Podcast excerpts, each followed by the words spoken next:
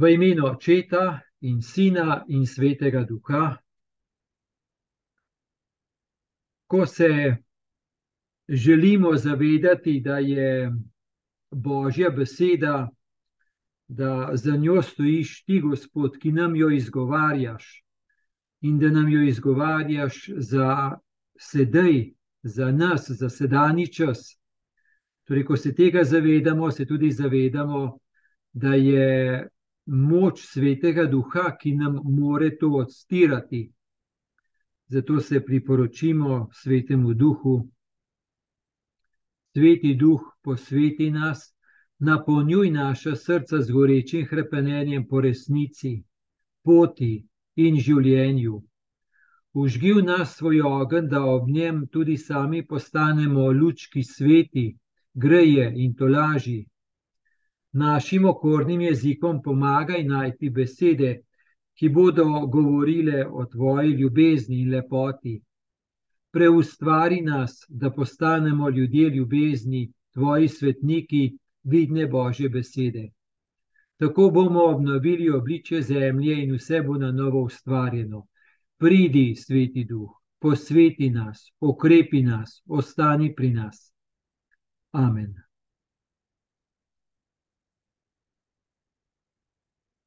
Odlomek, ki nam je dan v cerkvi za to nedeljo, ki je pred nami, je iz Matejevega 22. poglavja, vrstice 15 do 21. Tako pravi. Tisti čas so farizeji odšli in se posvetovali, kako bi Jezusa ujeli v besedi. Njemu so poslali svoje učence, skupaj s Herodovci in so rekli: Učitelj, vemo, da si resnico ljuben in v resnici učiš božjo pot, ter se ne oziraš na nikogar, ker ne gledaš na osebo. Povej nam torej, kaj se ti zdi? Ali smemo dajati cesarju davek ali ne? Jezus pa je spoznal njihovo hudobijo in rekel: Kaj me preizkušate, hinavci? Pokažite mi davčni novec. Dali so mu denari, na to jim je rekel: Čigava sta ta podoba in napis? Dejali so mu: Cesarjeva. Tedaj jim je rekel: Dajte torej cesarju, kar je cesarjevega, in Bogu, kar je božjega.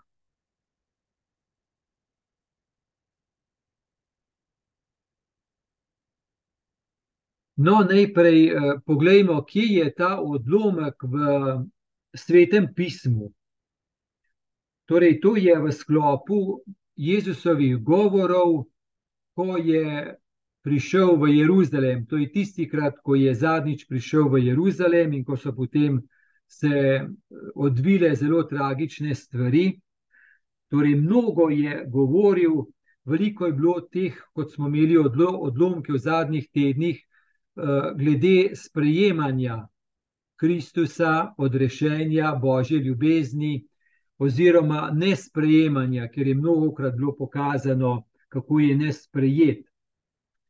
Naprimer, prilika o svadbi, ki ni, ni bilo do tega, da bi prišli na svadbo, torej da Bog nekaj pripravlja, pa so rekli: Ma kaj nas to briga, mi imamo druge stvari v življenju, ki nas zanimajo, te božje stvari pa ne. No, ta odlomek današnji je mal drugačen, gotovo pa je pomemben, zato je v sklopu teh govorov. Tako pravi. Tisti čas so farizeji odšli in se posvetovali, kako bi Jezusa ujeli v besedi. K njemu so poslali svoje učence skupaj s Herodovci. Torej, farizeji smo že kdaj rekli, da je to ena verska struja, verska skupina, zelo močna. E, torej, to so bili tisti, ki so zelo študirali sveto pismo, se poglabljali van in učili ljudi. Torej, izmed farizejev je potem bilo veliko pismoukov, ki so to še posebej delali. No, in farizeji so težko sprejeli Jezusa, nekako ni jim šlo v račun, niso ga mogli sprejeti. Vsekakor so farizeji so poznali sveto pismo in so pričakovali odrešenika Mesija, samo nekako so pričakovali, vendar le drugačnega, še posebej pa, da se bo on nekako um, integriral v njihove scheme, vključil v njihove scheme, veliko, v njihove načine. Jezus je bil pa zelo drugačen, je bil pa zelo drugačen in so nekako zablokirali, niso mogli sprejeti. Še posebej pa, ko je on govoril, da je on božji sin, to jim pa sploh ni šlo v račun. To je bilo pa tako novo, tako drugačno, da so rekli, to je pa preveč, to je pa preveč. No, in pravi, da so postali k Jezusu učence, torej sami niti niso se hoteli toliko izpostaviti, ampak so svoje učence postavili, pa so rekli: No, mi vam bomo povedali, kaj ga vprašati, ker vi pojdite, vi pojdite v boj. No, pravi, da so postali učence skupaj s Herodovci. Torej, kdo so bili Herodovci? Herodovci to so bili tisti, ki so bili naklonjeni uh, Herodu Antipi. Herod Antipa, to je bil pa od Rimljanov postavljen kot uh, vodja za Jude, da so imeli ljudi eno določeno avtonomijo. Torej, Herodovci so bili tisti, ki so bili v tem smislu povezani s Herodom Antipo, in na kakšen način so bili tudi precej, eh, Herodovci, precej pozitivno usmerjeni do Rimljanov, zaradi tega, ker Herod je dobil oblast od Rimljanov, Herodovci nekako so bili dosta odprti Rimljanom. Medtem ko farizeji je bilo drugače, med farizeji je bilo pa precej tudi taki, take struje, ki so bili bolj negativno razpoloženi do Rimljanov, ker Rimljani vendarle so bili okupatorji in um, nekako farizeji so, mnogi med farizeji so se vendarle bi se borili proti Rimljanom, da bi imeli ljudje svobodo in avtonomijo. Torej, kaj tukaj vidimo? To se pravi, so bile politično gledano, so bile malo različne struje, farizeji in herodovci. To se pravi, farizeji bolj proti Rimljanom, herodovci pa malo bolj v, za Rimljane. No, pravi, da so se posvetovali, to pomeni, so zelo naštudirali. So si jih lahko predstavljamo, kako so prav študirali. So rekli, kaj bi naredili, da bi Jezusa ujeli, kaj bi naredili, da bi ga stisnili v zid, ob zid, kaj bi naredili, da bi ga mi imeli pod oblastjo, kaj bi bilo, da bi nekaj tazga našli, da bi ga nekako prijeli.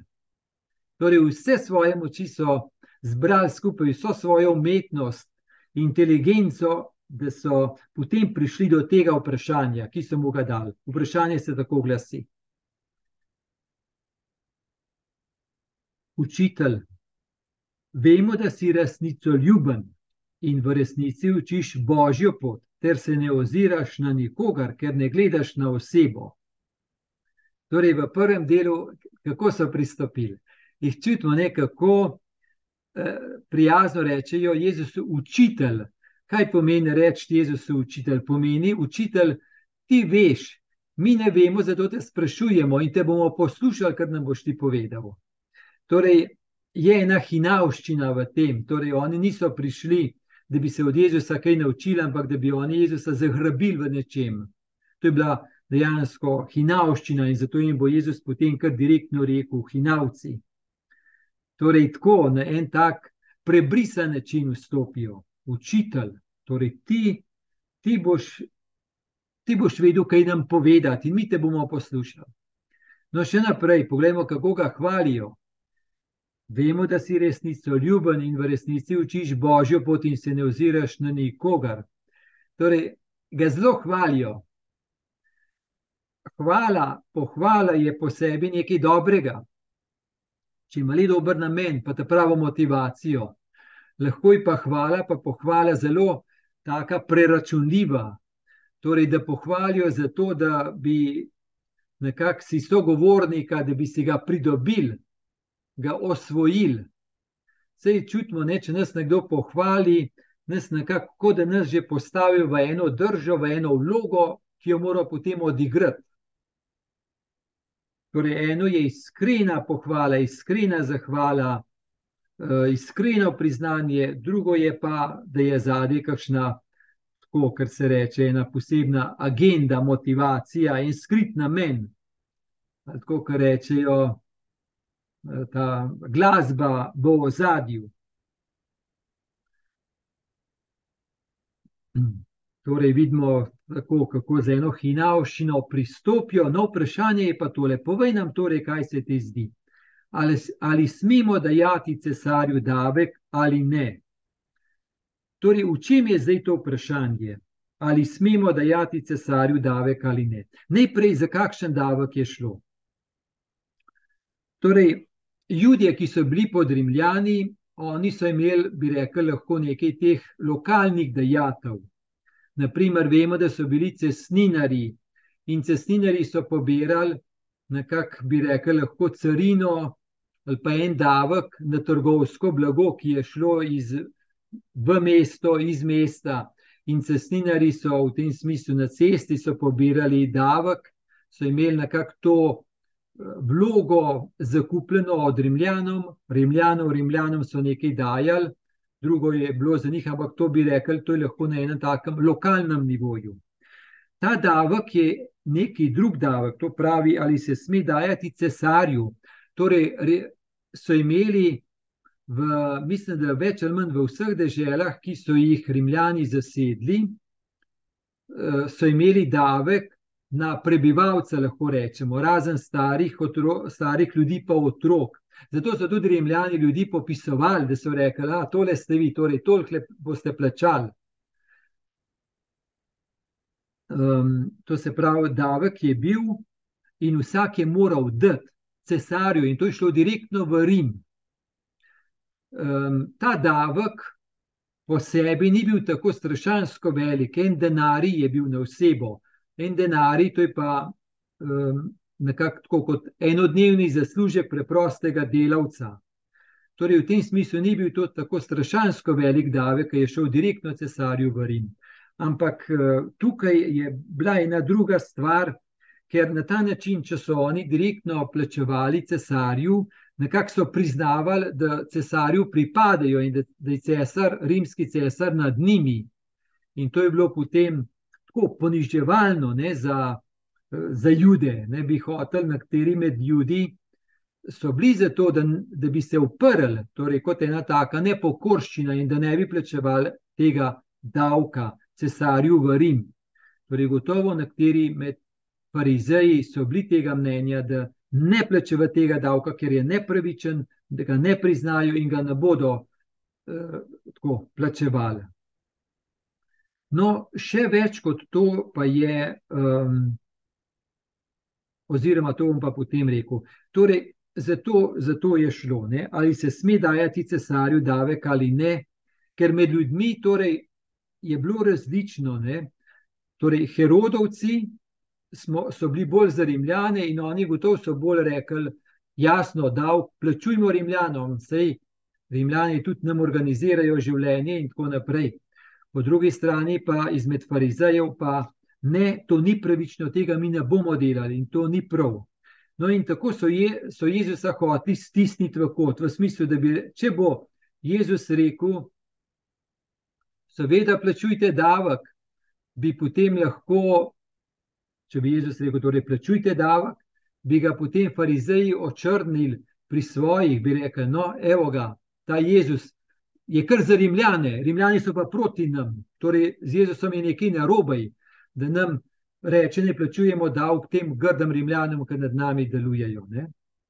Če bi pa Jezus rekel, ne plačevati davka, nikakor ga ne plačevati, potem bi pa Herodovci ga zatožili pri svojih, ker bi rekel, on je pa prevratnik, politični prevratnik. Torej, v tem so ga hoteli ujeti, a se razumemo. Ne? Torej, če bi Jezus rekel, plačujte davek, bi ga tužili, če bi rekel, ne plačujte ga, bi ga tužili. So naštudirali, kako bi ga ujeli. Prav so rekli, ali se smemo dajati cesarju davek ali ne. Da ali ne, povej, odloč se. To je tako nekako, kot da bi v dnevni politiki, ko se kregajo, ali ima ta prav, ali ima ta prav, ali je to črno, ali je to belo, da bi rekli: odloč se. Odloč se. No, Torej, neštudirano, še pa še, ampak kako je pa Jezus odreagiral? Pravi, Jezus pa je spoznal njihovo hudobijo in rekel: Torej, Jezus je spoznal, da je zadaj ena hudobija, da ni iskreno, da oni ne sprašujejo iskreno, ker tega ne bi vedeli. Vsak je imel že kar krepko svojo pozicijo, tako herodovci kot farizeji. In ni bilo do tega, da bi jim Jezus povedal in da bi se po njegovem nauku ravnali. In ni bilo do tega, ampak ta hudobija je bila, da bi ga ujeli v besedi, da bi ga lahko tožili, da bi se ga na ta način lahko polastili, da bi na ta način bili nad njim, da bi imeli en argument proti njemu. To je hudobija. In Jezus je rekel: Kaj me preizkušate, hinavci? Tukaj vidimo, kako Jezus res ni bil naiven. Če pomislimo, koliko časa so oni študirali, koliko časa so se pogovarjali in kako so bili veseli in prepričani, so rekli: Ja, to ga bomo pa ujeli, tukaj nam pa ne bo šel. Če bo tako rekel, če bo tako rekel, naš je, ga imamo.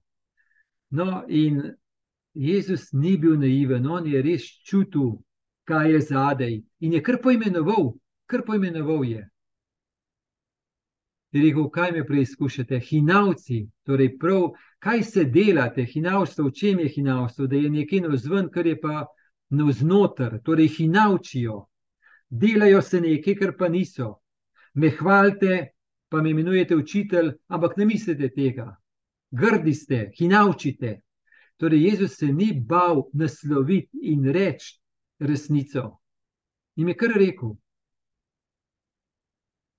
Obenem pa vidimo, kako jih bo prehitev. Ne bo rekel ja, ne bo rekel ne, ampak jim je rekel: Pokažite mi davčni novec.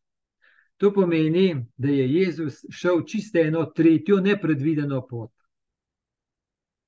Če so ga še tako hoteli postaviti, ja, ne, črno-belo, odloce, je rekel: je očitno ena druga, eno drugo pot je odprl. Eno drugo pot je odprl. Tako da je res, ko gledamo Jezusa, kako ravna, kako se odziva, kako ga napadajo, kako se zna, je res ga, tako bi rekel, ga prav začutimo, kaj to je ene modrosti, globine, tudi prebrisanosti. Obenem pa vidimo, kaj ne. Jezus jim je kar povedal, hinavci ste. Ampak vidimo pa, da je vendarle ni nehal tukaj, ni rekel, hinavci ste, zgimte. Ampak je rekel, hinavci ste, to kdo te vedel, če vi ne veste, vam povem, da ste hinavci. No, če me pa že to vprašate, bom pa izrabil to priliko, da vam bom nekaj povedal. To pa. No, in, bom, in jim bo zdaj nekaj povedal, nekaj zelo dragocenega, in bo nekaj povedal o nebeškem kraljestvu, to, kar je itak Jezus hotel stalno znova povedati. Torej, vidimo, kako je izrabil to priliko. Je bila neprimerna prilika, ne ljuba prilika, sovražna prilika, ampak vendar jo je obrnil v dobro. Torej, jim je vendarle povedal na en tak, dosti jasen način, um, da bi pod, podal eno, eno sporočilo. Pokažite mi davčni novec. Torej, je rečeno, davčni novec. Kakšen je bil davčni novec? Torej, davčni novec to je bil um, rimski denar. Torej, v Jeruzalemu v tistem času, pa sploh v širšem območju Palestine, Judeje in tako naprej, so imeli različni denar, tudi bolj lokalne valute, da so trgovali. So imeli pa tudi rimski denar. In ta davek, ki je šel cesarju v Rim, je bil rimski novec rimski denar. Torej, tudi oni so plačevali, ne vem, solato, krompir ali pa te stvari tudi z drugim novcem, ampak prav za Rim so morali pa tega in to je bil rimski novec. No, in so rekli, uh, jim je rekel, no, pokažite mi ta novec. Dali so mu denari, na to jim je rekel, čigava sta ta podoba in napis. Dejali so mu cesarjeva. Torej, si lahko predstavljamo ta novec, rimski novec, denari, in je bila na tem, eh, na tem novcu, kovancu, je bila cesarjeva podoba. takrat je bil cesar Tiberij August in je imel vsak ta kovanec imel um, napis.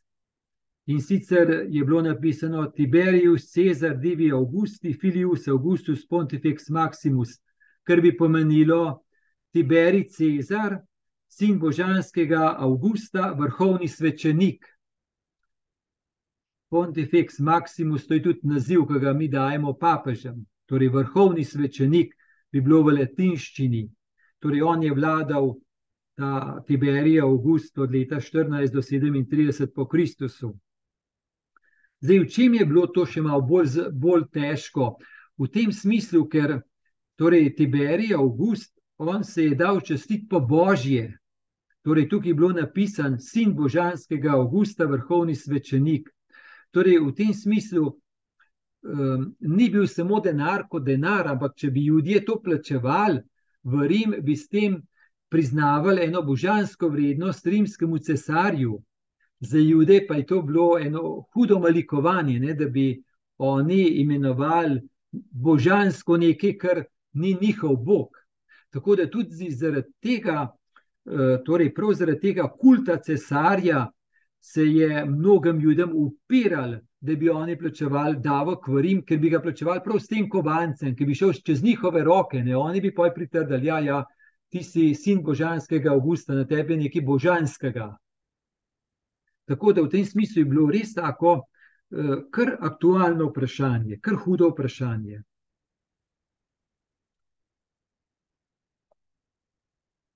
In torej so mu to pokazali, in Jezus jim je rekel: Tedaj jim je rekel, dajte torej cesarju, kar je cesarjevega, in Bogu, kar je božjega. Dajte torej cesarju, kar je cesarjevega, in Bogu, kar je božjega. Torej, to je njegov odgovor. Vprašanje je bilo, ali se sme dajati cesarju davek ali ne. Zdaj bo pa Jezus rekel: Dajte torej cesarju, kar je cesarjevega, in Bogu, kar je božjega. Torej, kaj je s tem odgovorom rekel? S tem odgovorom najprej lahko rečemo, da je posredno da je nekako pritrdil, ne kar dajo cesarju, kar njemu gre.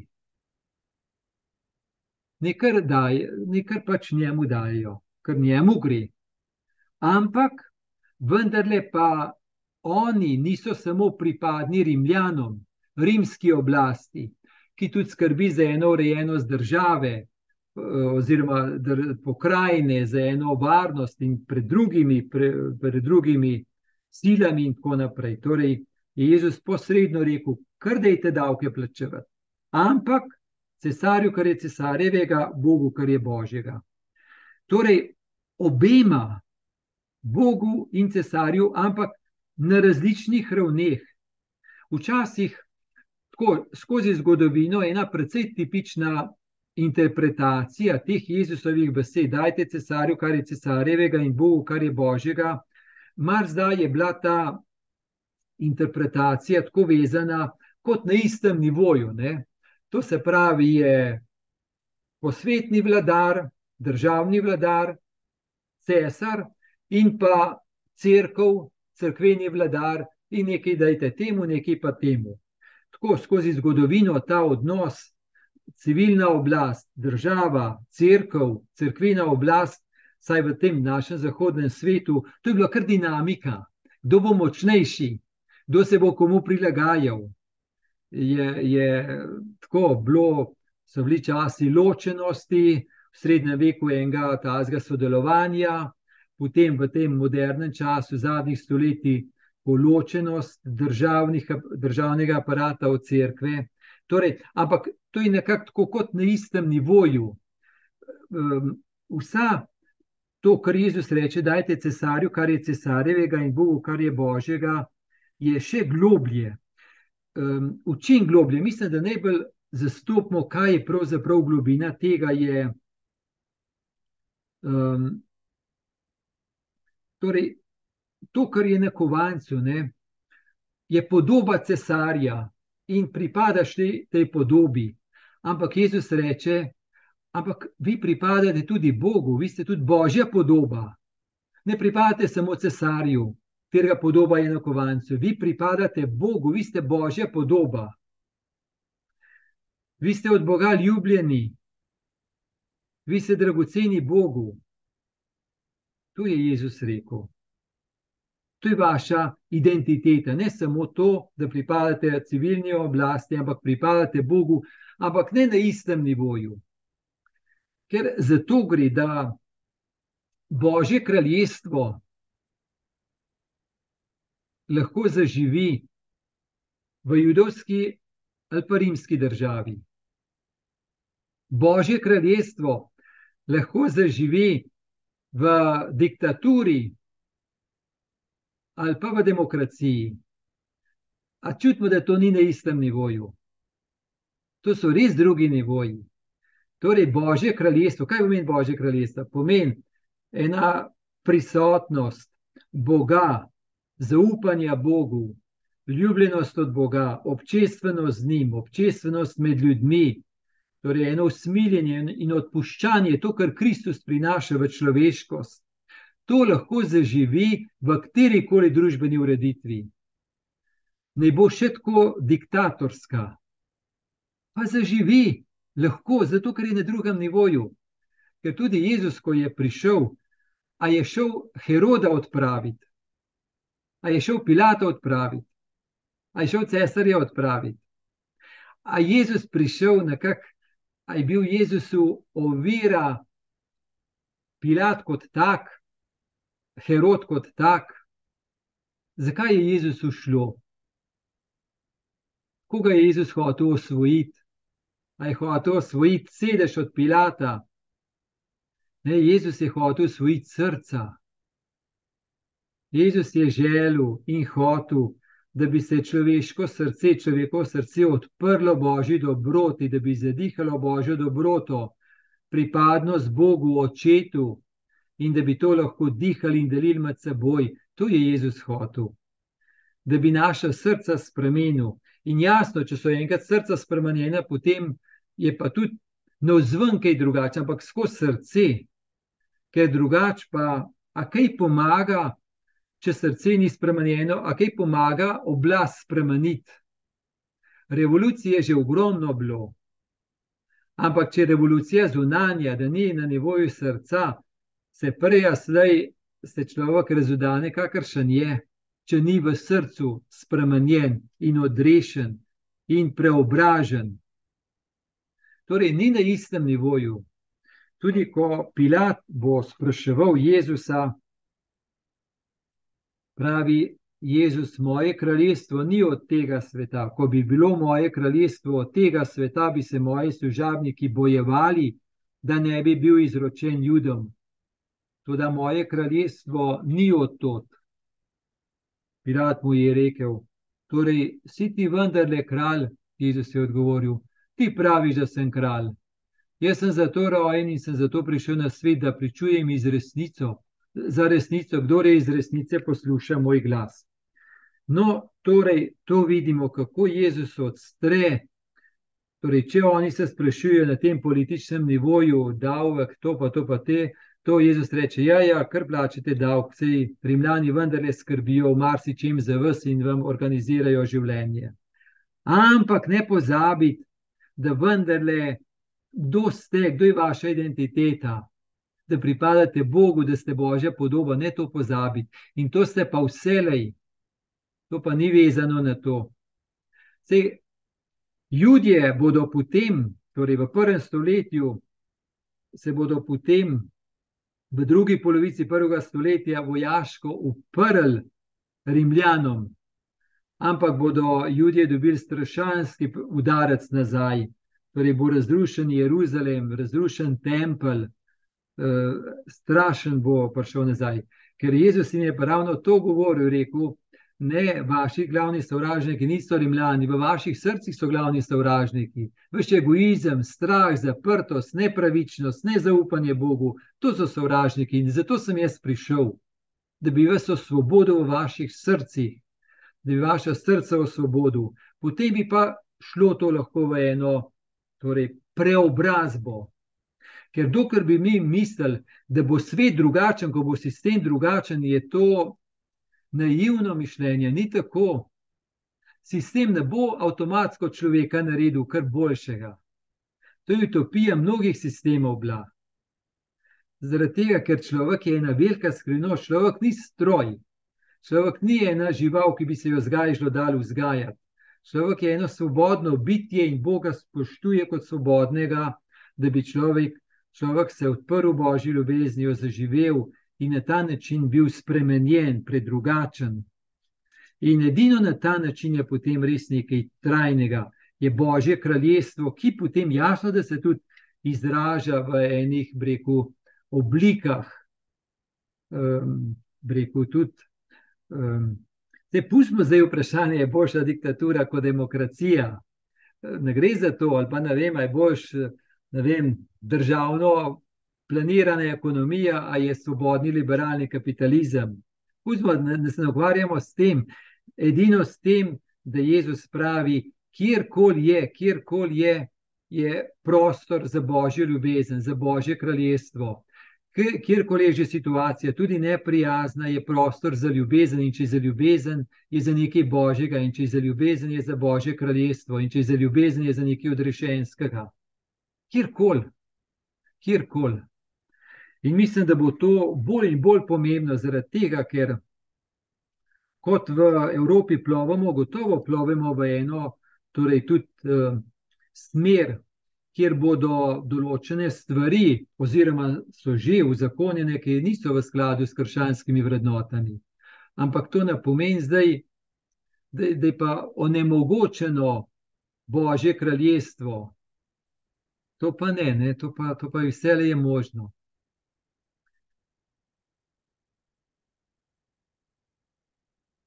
Mm. Torej, če to zdaj združimo, pa pogledamo, um, torej dati cesarju, torej, jer pomeni en pravni red, ki ga spoštujemo, en finančni red, en davčni red, eno spoštovanje vlade, pa, pa tako naprej. Vse, če mi beremo, naprimer, Pavel v pismih, on večkrat to reče, kako naj se moli za vladarje, kako naj se jih spoštuje, kako naj se jih upošteva, in tako naprej. Torej, jasno, da torej, vsekakor gotov, pač v enem tako upanju, da tudi država daje poštene davke, prav razporejene, in tako naprej. Jasno, to se tudi predpostavlja. Um, Obenem pa nam prav to, nam, kristijanom, pripadnost Bogu da, torej eno torej lealnost civilni oblasti, da je pravična in da ima pravične davke, in tako naprej. Torej, nam tudi vera daje moč za to in za eno poštenost, za upoštevanje finančnega reda, plačevanje davkov in tako naprej. Obenem nam pa vera tudi daje moč, da tam, kjer pa vidimo, da je nekaj ni v redu, da upamo tudi dvigati glas in povedati, mi pa drugače mislimo. To pa in pravim, če ne v demokraciji, kje je možno tudi povedati, se ne strinjati in dati svoj prispevek zraven. Zdaj, koliko je upoštevan ali pa ne, je drugo, ampak nam vera da tudi to moč, torej pripadnost Bogu, božji ljubezni, nebeškemu očetu, občestvenosti, nam daje tudi eno moč da, in jasnost, da nam pove, da, da, da lahko izrazimo, pa povemo.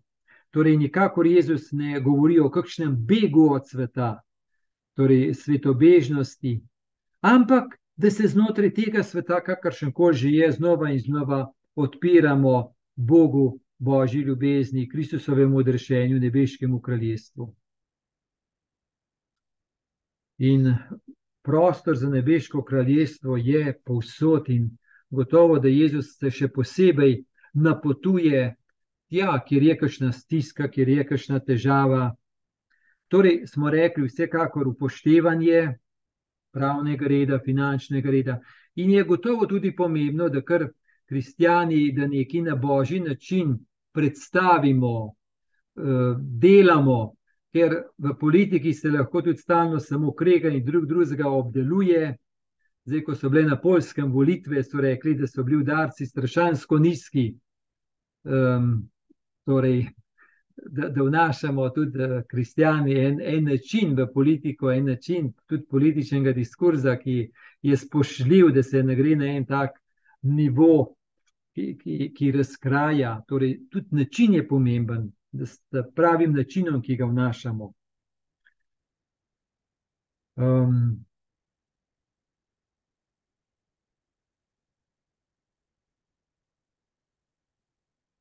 No, tako nekako, to mislim, da smo zdaj prišli več ali manj skozi ta odlomek. Torej, se lahko vprašamo, kaj, kaj nam, kaj mi govori, da je torej cesarju, kar je cesarjevega, in Bogu, kar je božjega. Torej, pripadnost, kam pripadamo, komu pripadamo, da pripadamo Bogu. In da bi nas to, to kar je Jezus pravil, pripadate Bogu, da bi nas to hranilo. Sveti Ambrož je tako rekel: Če te razžalosti izguba denarja, ali te ne bi morala toliko bolj razžalostiti izguba božje podobe, ki je v tebi.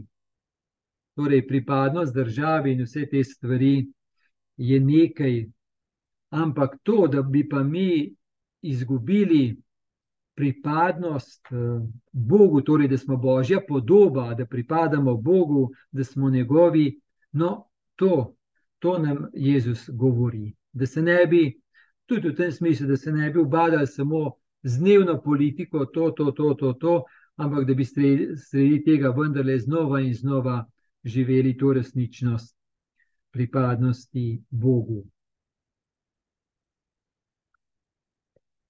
Tako da je, smo, imamo nekaj zelo dragocenega, zelo dragocenega.